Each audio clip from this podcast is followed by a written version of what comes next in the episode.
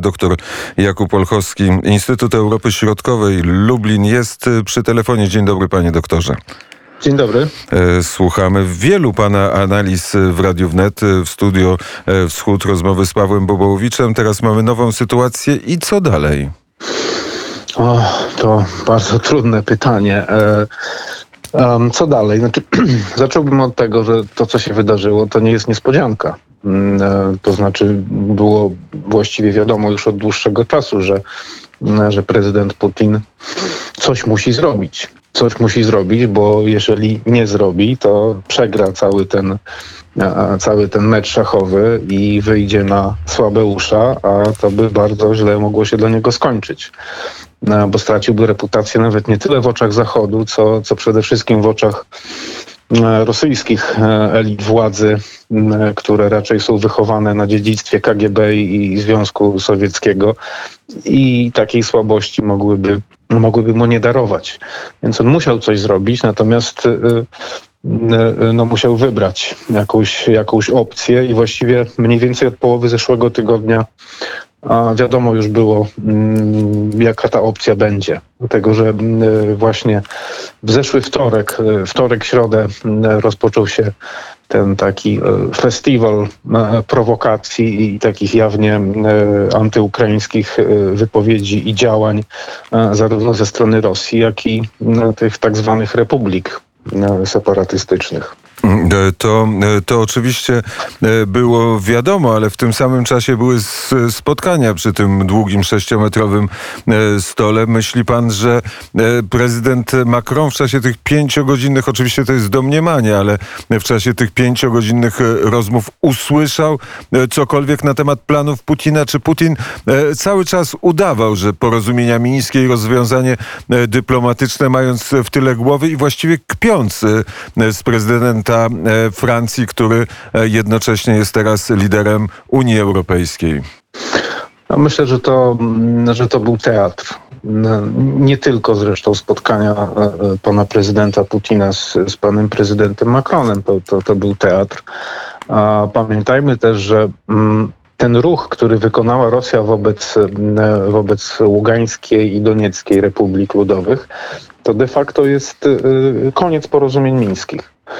A ponieważ e, e, taki ruch zapewne od pewnego czasu planowano, e, więc Rosja zdawała sobie sprawę, że porozumienia mińskie są czymś, co istnieje już wyłącznie na papierze i nie ma żadnego znaczenia, więc wszystkie apele do, odnoszące się do Ukrainy, która rzekomo zdaniem Rosji nie, nie chce i nie będzie wypełniać tych postanowień E, porozumień mińskich, e, czy wszystkie rozmowy dyplomatyczne z przedstawicielami Zachodu, w których to rozmowach także podnoszono ten argument, że Ukraina nie chce realizować porozumień mińskich. Myślę, myślę że z dużą dozą prawdopodobieństwa możemy przyjąć, że, że to był jednak teatr.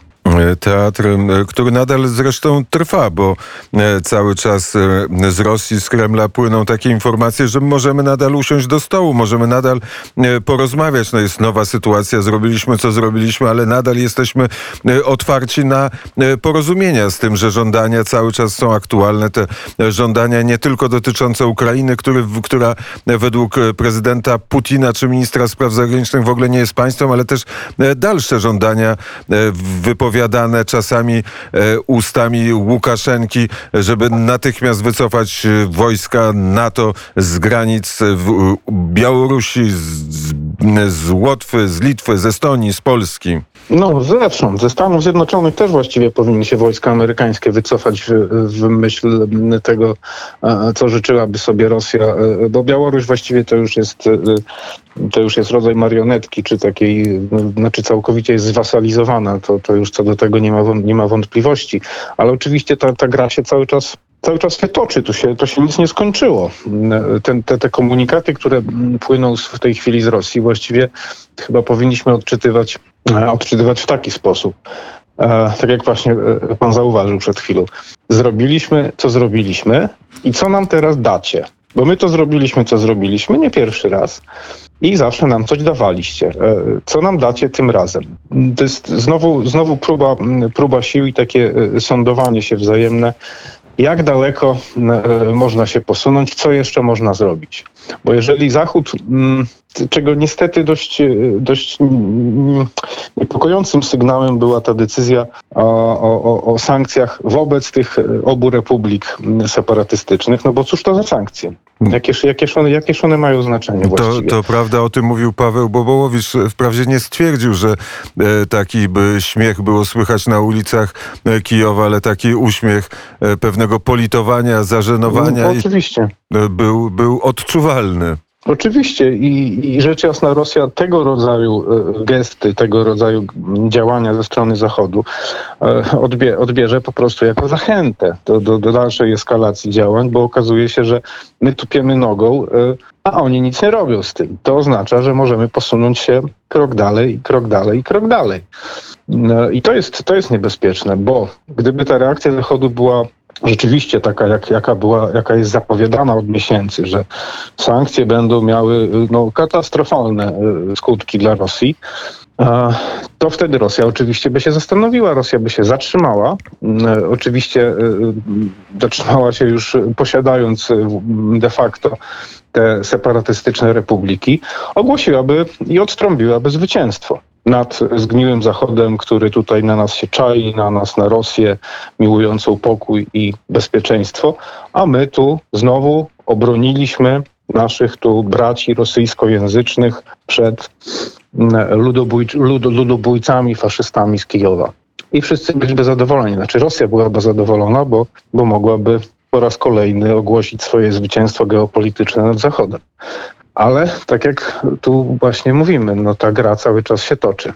A nie jest tak, że e, prezydent Putin i kremlowskie jego e, otoczenie w momencie, kiedy podejmowali decyzje, e, wczorajsze decyzje, to o czym dzisiaj rozmawiamy, uznanie Ługańska, uznanie Republik Ludowych, czy nie, nie, nie wpisali w to wszystkich tych ostrych sankcji i nie uznali, że Rosja mając złoto, ropę i gaz i do tego porozumienie, pewne porozumienie z Pekinem da sobie radę, a może uda się zresztą przewartościować e, świat i rzeczywiście zniwelować e, taką gospodarczą potęgę Stanów Zjednoczonych, wspartą skromną potęgą gospodarczą Unii Europejskiej. E, znaczy, ja rozumiem, że to, to, mm, to z ironią pan mówi o tej skromnej potędze gospodarczej Unii Europejskiej, bo, bo niektóre pojedyncze państwa Unii Europejskiej gospodarczo są silniejsze od, od Rosji. Od, Rosji. Bardzo, znaczy, nie jest wykluczone, że sobie taką kalkulację przyjęli, ale moim zdaniem to by było szaleństwo y, przyjmować taką kalkulację, że Rosja wytrzyma sankcje, bo o ile Rosja oczywiście ma właśnie złoto, ropę, gaz i inne rzeczy, broń jądrową, to, to, to, to Rosja nie ma technologii. Rosja nie jest w stanie wytworzyć wysokich technologii. Ona te technologie sprowadza z zachodu i bez nich y, ta jej potęga, jakakolwiek innowacyjność gospodarki będzie niemożliwa. E, Rosja ma problem nawet z, z wyżywieniem e, własnego narodu. Mm, to nie jest wcale taka potęga, jakby się niektórym wydawało. Oczywiście też nie możemy nie doceniać Rosji, no bo Rosja rzecz jasna ma wiele atrybutów mocarstwa i to, to, to jest potężne państwo. No ale nie jest, to nie jest ta superpotęga z czasów świetności y, Związku Radzieckiego. To już, to już nie te czasy. Myślę, że to, to by było szaleństwo, gdyby oni sobie kalkulowali, że mm, jeśli oczywiście Zachód wprowadzi te, ten najostrzejszy pakiet sankcji, y, że to się na Rosji nie odbije bardzo negatywnie. Ja raczej myślę, że oni sobie kalkulują to w ten sposób, że, że jednak Zachód straci impet, straci zapał do, do konfrontacji z Rosją. Czyli krótko mówiąc, myślę, że, że Kreml liczy na to, że Zachód się jednak, Zachód przestanie być taki zjednoczony. Czego zresztą sygnały widać przecież, że te interesy poszczególnych państw zachodnich są są bardzo rozbieżne, a tym samym ich postawa wobec, wobec Rosji, wobec sankcji y, ewentualnych y, nakładanych na Rosję też jest no, bardzo zróżnicowana. To jeśli e, Zachód e, straci to scalenie, które na, na chwilę e, uzyskał, jeżeli nie będzie solidarnej postawy, jeżeli nie będzie tych głębokich, głębokich sankcji w stosunku do Rosji, to czy Ukraina ma szansę ocalić swoją państwowość?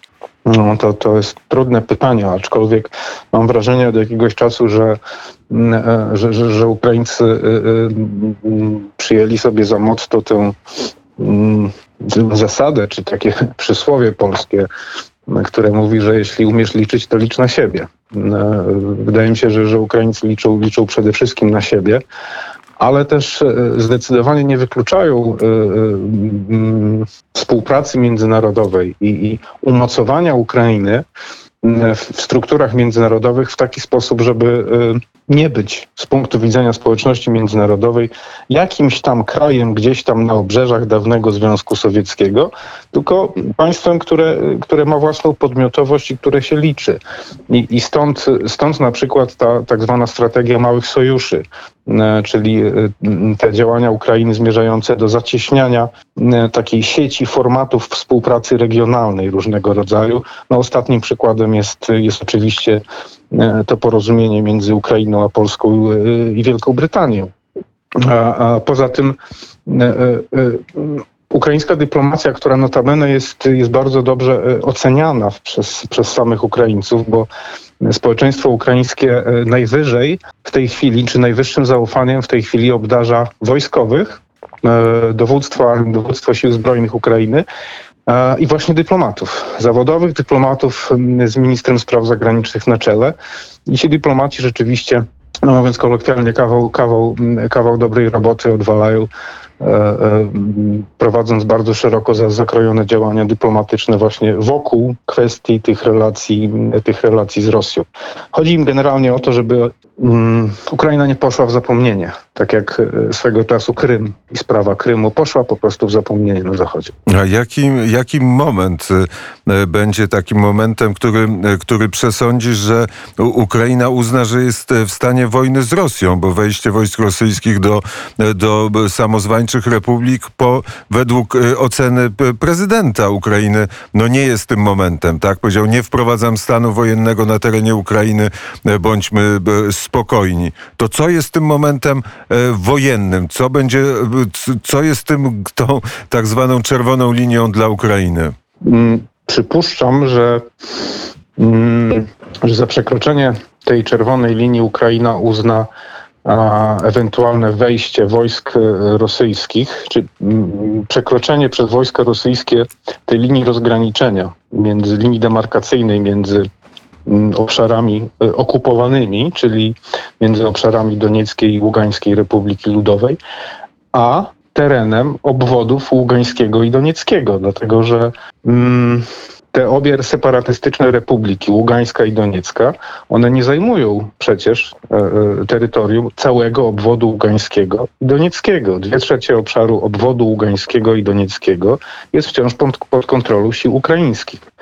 Natomiast jeżeli Rosja i będzie chciała prowadzić politykę oczywiście jednoczenia i ob- obejmowania opieką y, y, obu, obu tych republik i powstrzymywania katastrofy humanitarnej powodowanej przez Ukrainę, to zapewne te granice, y, te, te, tę linię demarkacyjną przekroczy.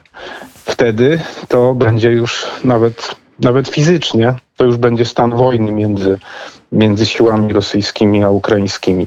I przypuszczam, że to, to jest ta czerwona linia. Dojdzie do tego?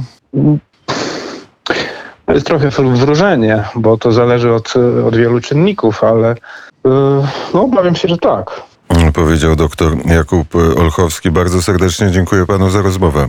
Bardzo dziękuję. Instytut Europy Środkowej Lublin.